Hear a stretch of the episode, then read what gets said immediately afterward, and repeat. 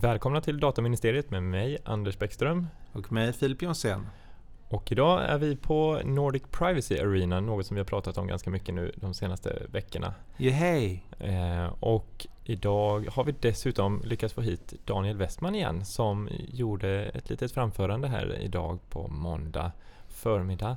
Eh, där du gick igenom det var en ganska stor uppgift kan man väl säga. Du skulle gå igenom vad som har hänt, eh, de mest eh, betydelsefulla rättsfall och vad som ska hända i stort sett också.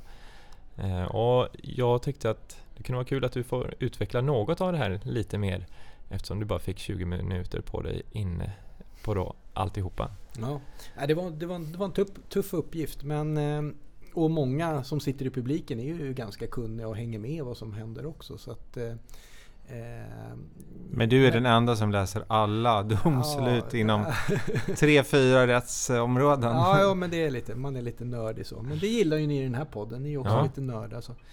Jo, nej men eh, som sagt var, jag försökte gå igenom de domar som har kommit från EU-domstolen lite kort, vad de handlar om och vad vilka fall som är på gång och, och, och, och liksom lite de viktigaste vägledningarna från Europeiska dataskyddsstyrelsen och, och, lite highlights från, från nationell nivå. Så det, det var det jag gjorde. Eh, det första rättsfallet jag tog upp, det tror jag vi pratade när jag var med förra gången om, för då var det på gång men hade inte mm. kommit än. Det, det är det här Fashion ID-målet som eh, vi har pratat om som, ja. sagt, som handlar jag måste fråga, är det, det ett av dina favoritmål ever? ja, men jag har varit lite intresserad av den här eh, frågan eh, eh om eh, så att säga, spårningsteknik på, på webbplatser. Av, av, av olika skäl. Eh, och, eh, Därför tyck, jag tyckte det här var intressant. Men, men alltså rent juridiskt kan det ju vara andra mål som är mer intressanta. Men det här tycker jag har en så väldigt Eh, Eh, stor betydelse för eh, liksom ett stort samhällsfenomen idag. Eh, det här med att sajter innehåller olika dela-knappar och, och tracking-skript och så vidare som skickar data vidare åt olika håll. Och, och därför så, så, tycker jag det här fallet var, har varit intressant. Och nu har ju EU-domstolens dom kommit där man sa att den som eh, lägger in en sån här Facebook gilla-knapp på sin hemsida är gemensamt personuppgiftsansvarig med Facebook för åtminstone själva insamlingen av data och delningen av data till, till Facebook. Men mm. kanske inte för den vidare behandling av data som Facebook gör. Då. Nej. Och det skilde sig någonting från generaladvokatens uppfattning eller hur var det med det? Ja, det, det, var väl, jag tycker det var ganska, ganska likt ändå. För det, det som generaladvokaten tar upp och varnar för det är ju det att om man alltid ser någon som gemensamt eh, personuppgiftsansvarig så fort man liksom har en relation eh, och utbyter data. Då blir det ju väldigt svårt att ta det här gemensamma personuppgiftsansvaret. Och mm. därför så, så tycker jag, det är väl en bra kompromiss att man betonar att ja, men för den typ av behandling som man verkligen kan vara med och påverka som webbplatsägare. Eh, där är man gemensamt ansvarig. Eh, och, eh, men så att säga för det som hände sen senare, det, det är en annan sak. Mm. Och det här var, hur var det nu, det här var gilla-knappen? Ja, det var gilla-knappen. Mm. Men, men som, som, som generaladvokaten åtminstone påpekar så är ju det här någonting som får betydelse för ja, så att, eh, analysskript och liknande mm. som ligger i bakgrunden på sajter eller, eller andra typer av eh, eh, sånt som används inom adtech som man säger, alltså marknadsföringsindustrin. Skript som läser av vad du tittar på för varor så att du sen kan se de varorna när du kommer in i någon, på någon publicistisk sajt och så vidare. Men hur var det med den personen som faktiskt trycker på gilla-knappen? Ja, om den var... Den, den har ju också involverad i behandlingen i alla fall. Ja absolut, men då är det ju data om sig själv så att säga. Så det är ju, men visst, man skulle kunna se det som en, som en, en, en form av personuppgiftsansvarig. Men det blir inte så viktigt om det om det, man behandlar sina egna uppgifter. Jag tänker du, man kan ju gilla någon annan. Ja, Precis, men eh, nu är jag inte riktigt svar på den frågan. Men, men det som ju jag tycker är viktigt, för att någon säger så här, ska man aldrig inte kunna ha någon interaktion med sociala medier? Ska man inte kunna integrera det på sin hemsida? Jo, men det kan man göra, men man kan göra det på ett liksom, dataskyddsvänligt sätt. Till exempel just så att Facebook bara anropas när man verkligen klickar gilla på en sida. Det är först då det kopplas över till Facebooks server och de får reda på att jaha, nu var jag inne på den här sidan och gillade den. Problemet är ju som det implementeras, var implementerat i det här fallet och de flesta har implementerat är att Facebook och andra som har den här typen av teknik får, en, eh, får den här informationen för alla personer som går in på sidan alldeles oavsett om de har gjort någonting med den här gilla-knappen eller, eller inte.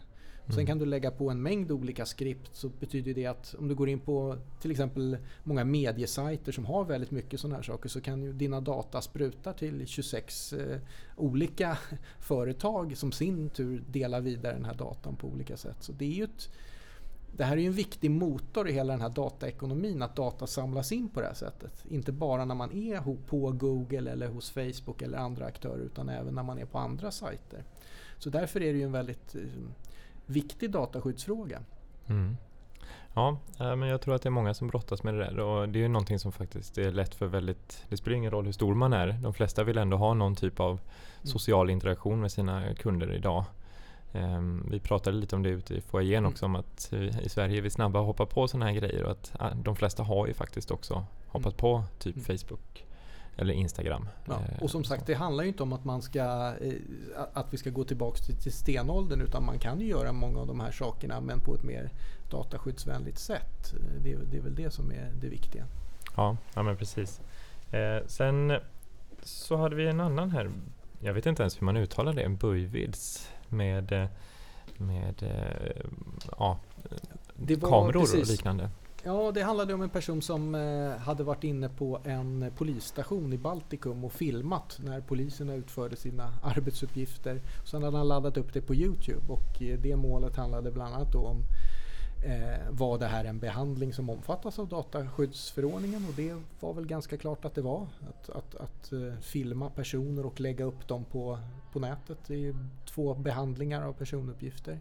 Mm. Men den huvudfrågan var ju då, kunde man tillämpa det här undantaget som finns i, i både i den gamla, dat gamla dataskyddsdirektivet och PUL och eh, dataskyddsförordningen för eh, journalistiska ändamål. Då. Mm. Och det har ju i sin tur tidigare tolkats som eh, ett, ett, undantag för eh, yttrandefriheten. Alltså hur balanserar man dataskydd och yttrandefrihet? Vilket ju är en väldigt svår fråga. Jag tror mm. vi var inne på den förra gången när vi träffades också.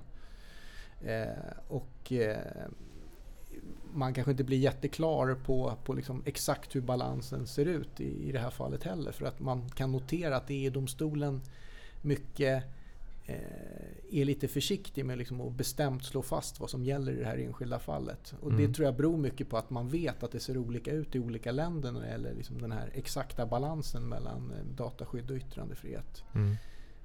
Tittade man någonting i det på Alltså man kom ändå fram till att den här personen som i så fall filmade det här var en controller. Absolut. Att det var ja. inte liksom i det här privata scopet eller vad man ska Nej. säga. Och det är väl klart när man lägger upp det på, på nätet så att säga. Ja, mm. ja precis. Eh, så att, eh, men, men det svåra är ju då när eh, all, all Å ena sidan säger domstolen, och det visste vi ju sedan tidigare, att eh, eh, journalistiskt ändamål betyder inte att man måste vara verksam som journalist utan det betyder egentligen att man eh, utnyttjar sin yttrandefrihet. Och då säger, har domstolen tidigare sagt att ja, men om man syftar till att sprida information och skapa debatt och så vidare. Då, då kan man falla in under det här undantaget. Men det ska vara det enda syftet man har med spridningen. Så att säga. Man ska inte till exempel vara ute för att skandalisera någon eller chikanera någon eller liknande. Eh, men, men frågan är, och då säger domstolen i det här fallet att ja, men allting man lägger upp på nätet kan inte vara rent journalistiskt ändamål heller. Eh, och, men, men, frågan är ju exakt, och det blir inte riktigt klart i det här fallet, exakt var, var går den, den gränsen så att säga. Nej. Eh, och sen hade du ju lite andra också. Eh, dels jag tänkte, vi kanske ändå, Deutsche Post var jag lite intresserad av också där, för den hade inte jag eh, snappat. Nej det var ett mål i Tyskland där eh, det fanns tyska regler om att de som eh, eh, hanterar tullfrågor på bolag var tvungna att eh, registrera personuppgifter om de personer på bolaget som ansvarar för de här tullfrågorna. Det är som jag förstår, jag är ingen expert på tullrätt, jag vet inte om ni är det, men, men Nej, att, man, att man har liksom outsourcat en del myndighetsuppgifter så att säga till de företag som hanterar eh, import och export och sådana saker. Och då är det vissa personer då som är behöriga att hantera det. Och då var man tvungen att uppge vissa eh, skattenummer och sådana saker på de personerna krävde den, den eh, tyska, de tyska re regelverket. Och frågan var, stred det där mot, mot GDPRs regler om skydd för personuppgifter? Mm. Och där kom ju EU-domstolen lite tydligare besked och sa att nej men det, det, gjorde det inte för att omfattningen på det här kravet att lämna information till myndigheter om sina anställda. Det gällde bara en utvald grupp där det fanns goda skäl för att ha den typen av krav och kravet gick inte längre än vad som var nödvändigt för, för att uppnå det här aktuella ändamålet. Ja, ja, men eh, då gör vi så att vi rundar av lite här för det här var ändå en liten eh, utveckling av det du var inne på i, eh, i stora salen och förhoppningsvis också just tillgäng tillgängligt för desto fler kanske. Eh, sen så har du ju en massa olika intressanta fall som ska avgöras och det hoppas jag att vi får anledning att, till att återkomma till helt enkelt. Tack Ja, för att du ville vara med. Tack så mycket. Nu har vi med oss Johan Törn. Ja. Det är ju live när vi spelar in. Ja, just nu är det Johan live. sitter här För framför oss ja. på riktigt. Ja, det det, stämmer. det, det är sant. Um, vi haffade honom här i, i kafferasten och drog in honom i, inte praktiken nu, utan nu kör vi i en, eh, någon typ av förråd istället. Ett, ja, ett, en, ett annat förråd. Utan ämne. Men vad har hänt sen senast Johan? Vad har hänt sen senast? Ja, vi har väl kämpat på egentligen. Ehm, det man kan rent generellt reflektera över är att det vi har jobbat med tidigare, att det har varit mycket mer stora projekt och sånt där, men nu har det varit mer spetsfrågor. Eh, som jag av naturliga skäl inte riktigt kan gå in på i alla frågor. Men det som har varit väldigt intressant tycker jag i alla fall, det är att ansvarsfrågorna kommer upp mer och mer. Eh, Folk börjar reda ut ansvarsfrågorna, dels i förhållande till andra mottagare av personuppgifter, eh, dels hur man ser det i koncerner till exempel. Mm. Eh, För det är någonting som man inte riktigt gjorde hela vägen ut. Alltså PUA, personuppgiftsansvaret. Liksom. Ja, exakt. Mm. Är det flera eh, joint controllership? Ja, men det försöker man undvika så långt det går för det blir så jobbigt med eh, att sätta ett arrangemang på plats. Det är kanske inte är så svårt att skriva ett sånt i och för sig och dokumentera ner det. Men sen så ska man ju faktiskt få det att funka i praktiken. Man ska ha en gemensam kontaktpunkt, man ska hantera liksom eh, Men är det jobbigt? Eller är det vi som tror att det är jobbigt? Ja, det är en väldigt bra fråga faktiskt. Jag tror nog kanske lite att det är mer att vi tror att det är jobbigt. Eh, Men det är nog två olika aspekter på det där att det hänger ihop med de organisation- organisationsfrågorna också. Att man måste få det att funka i praktiken i en organisation. Mm. För om man först är, är ensam controller, Ja, då bestämmer man ju och själv. så bestämmer man själv. Och sen visar det sig att för just den behandlingen var man Gemensamt. gemensamt eh, ansvariga. Mm. Du måste ju fortsätta med det du gjorde innan. Ja, men Du måste man, kunna svara på begäran av olika slag. Du, det enda som man lägger till är det här förhållandet till den andra ansvariga. Det enda och det enda. Det är det som jag tror är utmaningen där, för då måste man ju på sätt och vis komma överens med den andra. Sen kan det väl i och för sig i praktiken vara så att man har eh, ett gemensamt inflytande, men att inflytandet inte är helt balanserat. Jag kan tänka mig till exempel att det vanligaste när vi tittar på i arbetsrättsliga sammanhang eller gentemot anställda att man har vissa gemensamma behandlingar i förhållande till saker som moderbolaget bestämmer tillsammans med ett arbetsgivarbolag. Eh, det är inte ovanligt att man kanske satt en gemensam utvärderingsprocess av anställda och då kan man vara gemensamt ansvarig för det. Och där kan det vara lite att det, så att säga, push and pull lite grann att eh, moderbolaget har eh, vissa saker som de bestämmer över i den processen, i de behandlingarna, eh, medan det arbetsgivarbolaget som egenskap av arbetsgivare har det primära ansvaret. Men det är fortfarande så att man måste sätta sig ner och reda ut det där. Eh, Mm. Och det där kommer förmodligen vara verksamhetsunikt då, hur man ser på det från olika organisationer. Men, men just gemensamma ansvarsfrågorna har vi inte kommit upp jättemycket på senare tid, utan det är snarare här att pröva vilka skickar vi data till egentligen? Eh, och skilja på andra biträ alltså biträden och skilja på andra ansvariga. Och vad menar man med mottagare? Vi brukar säga att en mottagare är både biträde och en annan ansvarig. Och sen hur ser man då på det att redovisa mottagare i en dataskyddstext till exempel, eller en informationstext. Och då måste man gå ganska långt och pröva det där, så vilken data skickar vi? Vad gör mottagaren med datan? Vilken laglig grund har vi för att skicka datan? Eh, sen kommer det upp massa andra frågor som vad händer om mottagaren i egenskap av PUA gör någonting annat än vad vi har sagt att vi skickar den för? Varje behandling har ju ett syfte. Mm. Men vad händer om de ändrar på syftet? Eh, slår det tillbaka på vår behandling då, det vill säga vår delningsbehandling? Mm. Eh, det borde det väl göra? Ja, jag håller med. Att eh, det kan, om man, till exempel bara tar ett hypotetiskt exempel som att man har delat för ett visst ändamål, till exempel statistik någonting, för att de vill ha uppföljning på mm. samarbetet man har sinsemellan, men man har ansvar för sin egen och får för sig att använda det för marknadsföringsändamål till exempel. Då. Mm. Vad händer då med vår ursprungliga delning om vi får reda på det? Vår, vår ståndpunkt är nog, och det finns inga case på det här så vitt vi vet, att då kan det nog bli så att vår delning inte blir tillåten. Mm.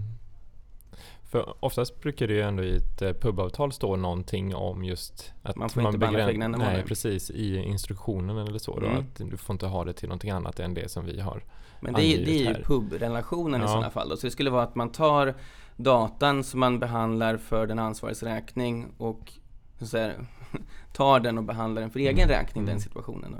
Det är därför man måste pröva eh, delningen från första början. Och så säga, vilken roll har mottagaren mm. i förhållande till just den här behandlingen?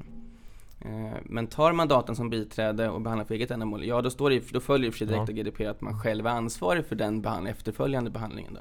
Men då har man egentligen brutit mot GDPR i första ledet. Mm. Så det är en liten annan situation. Och det, det normala är ju att ett biträde har flera hattar. Den har ju mm. automatiskt två hattar. Man är biträde i förhållande till den andra ansvarige och sen kommer man vara ansvarig för sin egen behandling. Och har man ett samarbete kan det ju vara till exempel att det är för att fakturera den andra eller liknande. Men då har man mm. samlat in andra uppgifter för det ändamålet. Då. Mm. Ja, men precis. Ja. Sen har vi såklart det första avgörandet med sanktionsavgifter i Sverige. Ja, det var spännande. Från eh, Skellefteå. Mm.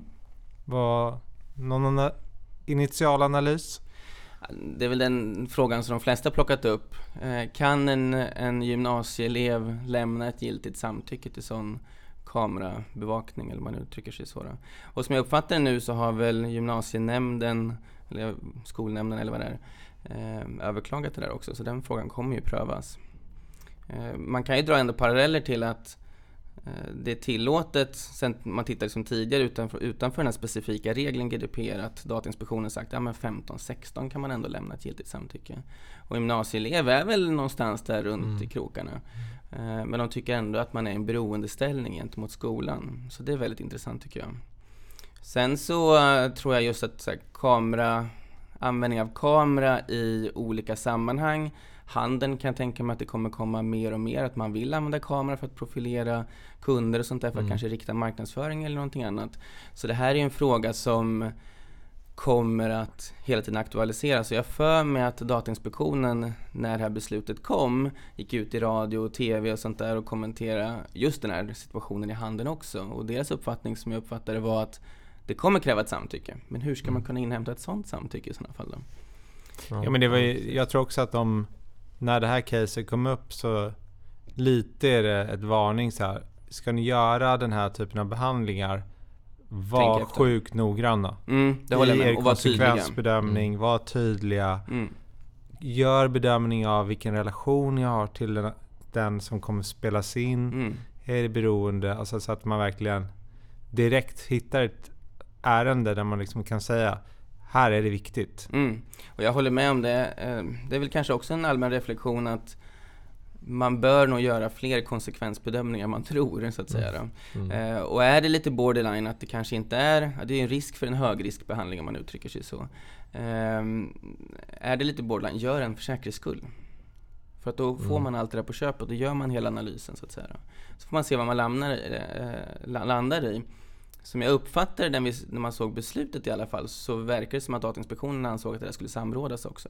Mm. Jo, så, att, att, att, det var en, en högriskbehandling där man inte kunde vidta mitigerande åtgärder för att sänka den inneboende integritetsrisken, att man därför var tvungen att gå vidare med ett samråd. Mm. Dataministeriets tolkning är också så. Mm. så. Så det är lite precis. intressant. Jag tänkte på en sak just vad gäller det fallet också, är ju att de är inne lite, snuddar nästan på det, inspektionen i det målet, eh, eller det fallet. Um, när de om nästan en av grundprinciperna då, om det här är en, alls en rimlig behandling av personuppgifter för mm. det ändamålet. Och de är ju i stort sett så att de säger att det är inte det. Det Nej. finns mycket bättre eller enklare sätt att göra det här på som inte är lika integritetskänsliga. Ja, det där har man haft förut, det är det gamla tallriksfallet om ni kommer ihåg det. Eh, som rörde eh, tallriksautomater i en skola. Nu när du nämner det kommer ja, jag ihåg det, jag hade glömt bort det. Det är exakt samma resonemang där egentligen, men bakgrunden var att en skola hade problem med så kallade friätare. Jag vet inte hur många som tycker om fisk med remouladsås och sådär, men, men ja, de hade haft problem med friätare, så då lät de registrera alla barns fingeravtryck. Och mm. det där använde man sen då för att få ut en tallrik i en automat då, för att komma till rätta med det problemet. Och det tog ju Datainspektionen rakt upp och ner på de grundläggande principerna så att det här är inte proportionerligt. Nej. Ni hade kunnat vidta någonting som är mindre integritetskränkande om man uttrycker sig mm. så, eller integritetskänsligt. Mm. Eh, och det föll. Och det är lite roligt för jag höll en utbildning tillsammans med den andra Johan för ja, nu kanske det är tre, fyra år sedan liknande och det var i ett HR-sammanhang och vi tog upp det där caset och då var det en tjej som räckte upp handen och bara Jag gick på den skolan och, och var liksom med i elevrådet eller mm. liknande. Så att jag, resonemangen har funnits sedan tidigare. Mm. Det andra som jag tycker är intressant med det här caset som kanske inte rör själva liksom materien i sig, det vill säga samtycke och eh, kameraövervakning och så vidare, utan är ju hur de resonerar kring sanktionsavgiften. Eh, jag hade hoppats att det skulle vara tydligare att de så att säga, det här eh, talar för den här nivån av sanktionsavgift, det här talar för en lägre nivå, alltså mm. så här, vad säger, försvårande och förmildrande omständigheter. Mm. Eh, och kanske koppla det tydligare till kriterierna i GDPR också. Mm. För att annars blir det väldigt svårt för någon, nu tänker jag ur ett ombudsperspektiv, så här, hur skulle man kunna argumentera för en lägre nivå om man inte kopplar mm. det väldigt tydligt till de här olika faktorerna. Ja, men det sen, var väl en ganska hög avgift om man tänker på omfattningen. Det var kort tid, ja, det var, det var få 20, elever. 20 elever, någonting sånt där. Mm. Och de hade ju ändå försökt vidta vissa åtgärder, det var inte tvång. Nej, det var det inte. Um, och så vidare. Så jag tyckte nog att det var en förhållandevis hög. Mm, sen får man komma ihåg att myndigheter har en rabatt också. Exakt, mm. och i förhållande till den så är den ju hög, ännu högre. Ja, absolut. Men jag kan hålla med om just det där att det hade varit intressant att se Alltså varför det landade på just det beloppet så att säga. Exakt, en och det, det, Man kanske kan göra en parallell typ till straffrätt då, där man bestämmer liksom straffets längd ofta, där man har någonting att utgå ifrån och sen så mm. Sätter man upp olika för Där har ju domstolarna schabloner såklart då, som liksom, ja, är av praxis om man uttrycker sig så. Nu finns det naturliga skäl inga sådana schabloner nej, eller praxis. Nej. Alltså det, mm. är det inte Sterzel? Man kanske inte använder den längre. Ja, det kanske man gör. Han... Det var alldeles för länge sedan jag läste straffrätten nu faktiskt. Ja, men det Startzel var ju i Bibeln när man satt och gjorde ting. Han hade gått igenom och sagt vad alla olika bötesbrott vad det förtjänade, vad det kostade. Ja, ja. Kör du mot rött, okej okay, då är det ja, typ ett gram kokain, då är det det är lite lättare att mäta så här, ja men ett gram kokain så blir det det, för det är väldigt kausalt utifrån det perspektivet. Här är det ju så många olika omständigheter, så här, ja men är det privat eller offentlig sektor? Eh, och är det liksom privat, vilken omsättning har det? Alltså storleken mm. och sen så hela, hela liksom behandlingens risk i sig om man uttrycker sig, mm. den inneboende behandlingen. Så att det kommer att vara svårt att se någon generell praxis på vad, vad kostar saker och ting. Eh, vi pratade om det till exempel med det där eh, företaget som inte hade sett till att det fanns ett biträdesavtal på plats. Det kostade ju inte särskilt mycket och de anmälde ju i praktiken sig själva. Eh, men man kan ju inte ta det som någon generell slutsats att så här kostar det om jag inte ser till att jag har ett biträdesavtal på plats med mina leverantörer. Mm. Nej, Nej, om de hade upptäckt det åt andra hållet vid en inspektion, då hade det varit dyrare. Förmodligen, ja. Absolut. Det är min gissning också. Nej, och sen så förstår jag väl i och för sig att Datainspektionen Eh, måste sammanfatta, för det gör ju domstolar också i, i domslut, att säga, ja, men vid en sammanvägd bedömning av de här faktorerna. För det, det måste, mm. någonstans mm. måste man ju formulera sig på det sättet. Då. Men det ska bli intressant att se vad, vad som händer härnäst nu då, eftersom det är överklagat. Då. Mm. Vi, eller Anders tog ju in överklagandet och hittills har de ju bara blankt En sån här blank överklagande? Ja. Mm. Vi återkommer med, ja så har vi gjort det också många gånger. Det är en klassiker. Ja, ja men den är, den är bra. Mm. Det är ju ganska, vad är det, tre veckor på? Eller, ja, jag tror det. Mm. Det är ju inte jättelång tid. Nej. Eh, de behöver ju ta in expertisen också tyckte de. Så vi mm. får väl se vilka det blir som eh, blir utvalda som experter i det fallet. Ja, det blir intressant. det, ja, det finns mer att begära ut helt enkelt. Ambitiöst tycker jag. Jag hann inte det. Nej men det, ja, det kommer en notis i eh, något kommande avsnitt när vi får tag på det. Mm, strålande. Ja men vi sätter punkt där. Det skulle ju bara vara en liten inflikning. Ja, vi gör det. Tack Johan för att ja, du tack själva. hoppade in. Ja, då kör vi session 3 idag måndag på NPA. Och nu har vi med oss Frida Orring från Datainspektionen. Välkommen Frida! Tackar! Du eh, var med i en, eh, en av debatterna eller panelerna här idag och eh, som handlade lite om ansiktsigenkänning. Har du några tankar om hur, ja, hur kändes det med panelen som sådan? Vad, ja, vi fick ju träffa de här från Individ heter de va? Som pratar om någon typ av anonym ansiktsigenkänning. Eh, ja, har du några tankar runt själva panelen som sådan? Mm. Jag tror också, jag är inte helt säker, men jag tror att de heter Indivd. Men ja. jag är inte helt säker. Um, ja, nej, men jag tyckte att det var en jätteintressant panel. Eh, glad att den fick vara på agendan av NPA.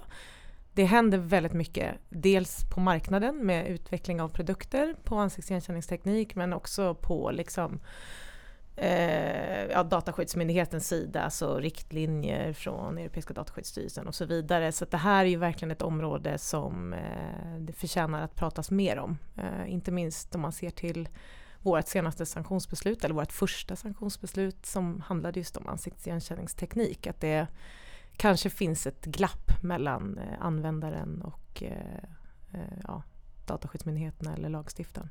Mm. Ja, vi har pratat om just det eh, fallet med Skellefteå och gymnasienämnden där uppe.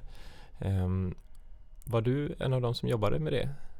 Jag var inte en av dem som ledde eh, ärendet. Eh, I egenskap av att jag sitter i en av de arbetsgrupperna som håller på med sanktionsavgifter under Europeiska dataskyddsstyrelsen så var jag involverad i någon liten mån. Men eh, det var framförallt tre andra av mina kollegor som um, höll på med själva ärendet. Mm. På tal om sanktionsavgifter, eh, var, för det pratade vi om, vi hade en annan gäst här idag, Johan Törn från DLA och eh, då diskuterade vi just vad man, hur man landar på vissa summor eller varför man landar på vissa summor. Kan du säga någonting om det? Har ni liksom någon modell att räkna på utifrån eller hur, ja, hur gör man? Hur börjar man med att bestämma en, alltså just hur stor mm. avgiften ska vara? Mm. Alltså det ska man ha klart för sig att det är helt nytt för, för Sverige ett helt eh, nytt område att kunna utfärda sanktionsavgifter överhuvudtaget. Eh, mm. Så vi har ju liksom ingen praxis att gå på. Det är klart att man kan titta på andra sektorer och konkurrensrättsligt och så vidare men generellt sett så har vi inga, inga liksom satta praxis eller så som vi kan gå på utan det man får titta på framförallt det är ju artiklarna i GDPR som staplar upp ganska många kriterier som ska tas hänsyn till när man bestämmer en sanktionsavgift. Mm. Och där har vi då också möjlighet möjligheten till att titta på omsättning och så vidare. Med, med liksom ledorden att det ska vara liksom avskräckande och effektivt och proportionerligt. Liksom. Men det är klart att det har ni ju själva, att det är en det är svårt att säga någonting mellan tummen och pekfingret på bara de sakerna. Så mm. vi välkomnar ju verkligen, det här har blivit överklagat på ett beslut nu, mm. där vi utfärdade, utfärdade en sanktionsavgift på 200 000 kronor mot som sagt en kommun eller en myndighet, om man ska se det, en publik eh, aktör. Mm. Eh, det går inte heller riktigt att jämföra med de flesta länderna som inte har sanktionsavgifter mot myndigheter. Eh, så att det här är någonting som vi välkomnar att eh, domstolarna nu ska titta närmare på också i överklagandet. Mm. Ja. Lite så kan jag nog säga. Ja, ja, men det blir spännande att se. Vi har ju begärt ut eh, överklagandet i sig men mm. än så länge så vet vi inte så mycket mer om själva eh, grunderna för det så att säga. Annat än att, ja, att de har överklagat i stort sett. Då. Mm. Utvecklingen av talan återstår att se. Mm.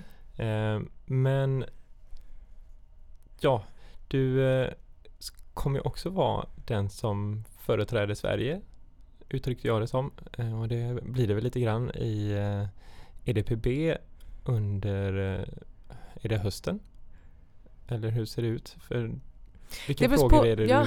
du fått på ditt bord? Eh, precis, jag är ju den som representerar oss ytterst i EDPB är ju vår generaldirektör, Mm. eh, Lena Lindgren Sjölin. Men eh, sen under EDPB så finns det ett gäng arbetsgrupper. Och eh, Datainspektionen skapade ett EU-sekretariat i höstas. Då. Mm. Och då är vi eh, mindre än en handfull handläggare som arbetar med att representera Sverige i olika av de här arbetsgrupperna. Och ytterst så går vi upp till eh, plenarmötena i EDPB ibland också om det är frågor som särskilt härrör sig till de mm, eh, riktlinjer så som vi arbetar med. Mm. Jag sitter för närvarande i den som håller på med administrativa sanktionsavgifter och eh, den som håller på med BTLE heter det. Det är alltså Borders, Travels and Law Enforcement. Eh, jag har också varit väldigt mycket i den som heter Technology Expert Subgroup men det är just för att jag har varit rapportör för de här kamerabevakningsriktlinjerna.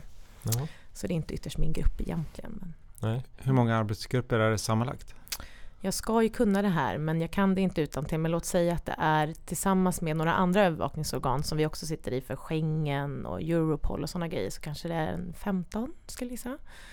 Jag kan återkomma med ett korrekt svar. Ja. Nej. Storleksordningen 15. Ja, men något sånt. Så får man en Ehm, känsla för, för vad det ligger Ja, och de träffas eh, olika ofta och så. Men eh, alltså Europeiska dataskyddsstyrelsen träffas ungefär, eller ganska exakt en gång per månad. Medan de här arbetsgrupperna, vissa träffas en gång per månad, vissa träffas varannan månad, någon kanske fyra, fem gånger om året. Så det är olika intensitet i de olika grupperna också. Mm. Oftast heldagsmöten eller två dagarsmöten. Och eh, arbetet då med sanktionsavgifter. Mm. Eh, kommer man där ta fram någon, ja det är kanske ett klumpigt uttryck, men lathund? Mm. Eller vad, hur, vad är liksom ambitionen med, med det arbetet? Mm. Det är ju, den, den heter faktiskt Task Force. Eh, Man skapade den då för något år sedan och där tanken är att man för att liksom harmonisera sanktionsavgifterna och det här kommer vi se mer av framöver. Nu är det ju precis i början av utfärdandet av sanktionsavgifter under GDPR men tanken är att de riktlinjer som man tog fram eh, som antogs av EDPB i 2000, ja, eh, 2016 egentligen, de Eh, de är ju bara basic om korrigerande befogenheter som egentligen beskriver GDPR lite mer. Och tanken är att man ska uppdatera dem och vara lite mer konkret och ge mer vägledning som Mm ja, men både Dataskyddsmyndigheterna men också naturligtvis PUA och, och så ska kunna titta på och förstå hur vi kommer fram till det vi kommer fram till. Mm. Men det tror jag blir, det ligger i arbetsplanen men det är nog för, för 2020 alltså. Så det, det blir nog ett gediget arbete. Vad Spännande. Och eh, du, eh, har du varit med hela dagen idag eller hur? eh, Mm. Har du några tankar om dagen som helhet? Eh, intensiv. Ja. Nej men det har varit många paneler, ett gediget program men eh, jätteintressant. Jag tror att jag är lite, eh, alltså, det här är ju right up my alley så att säga, så Mm. att jag tycker att det här är jätteintressant. Eh, jag eh, uppskattar att man har liksom haft fokus på paneler och eh, lå- låtit man komma med frågor från publiken och så, så att det inte bara blir föreläsningsscenarion mer eller Mm. mindre.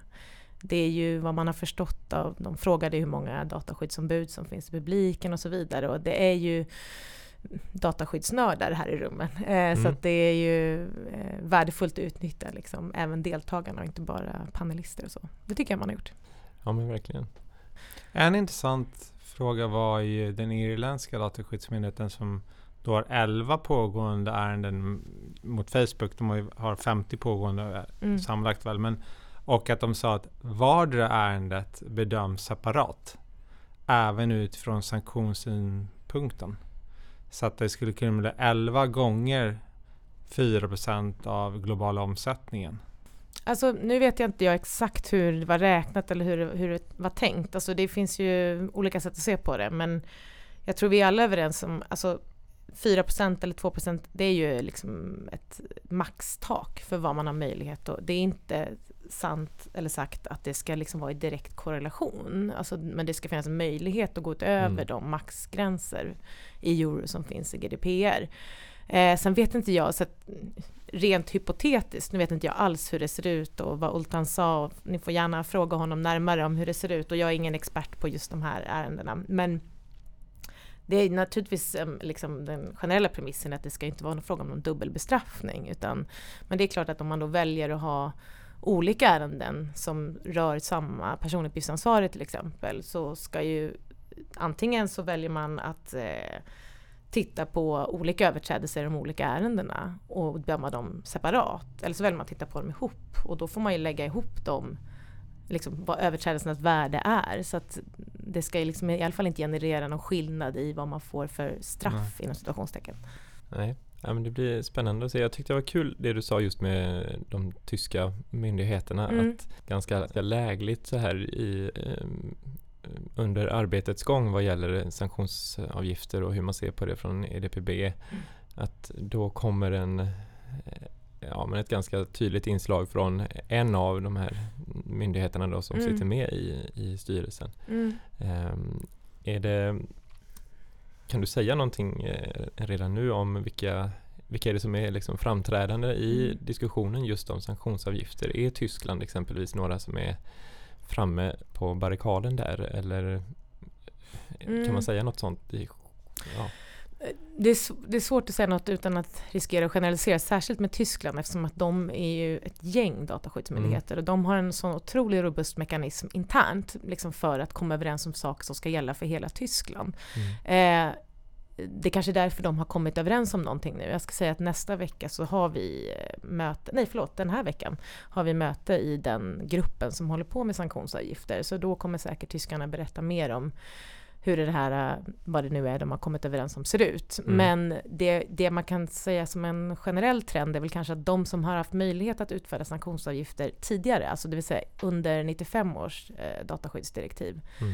Vilket det var en del länder som hade möjlighet att göra, bland annat eh, Spanien och Holland och så vidare. De har oftast redan strukturer på plats på hur de har gjort tidigare naturligtvis. Mm.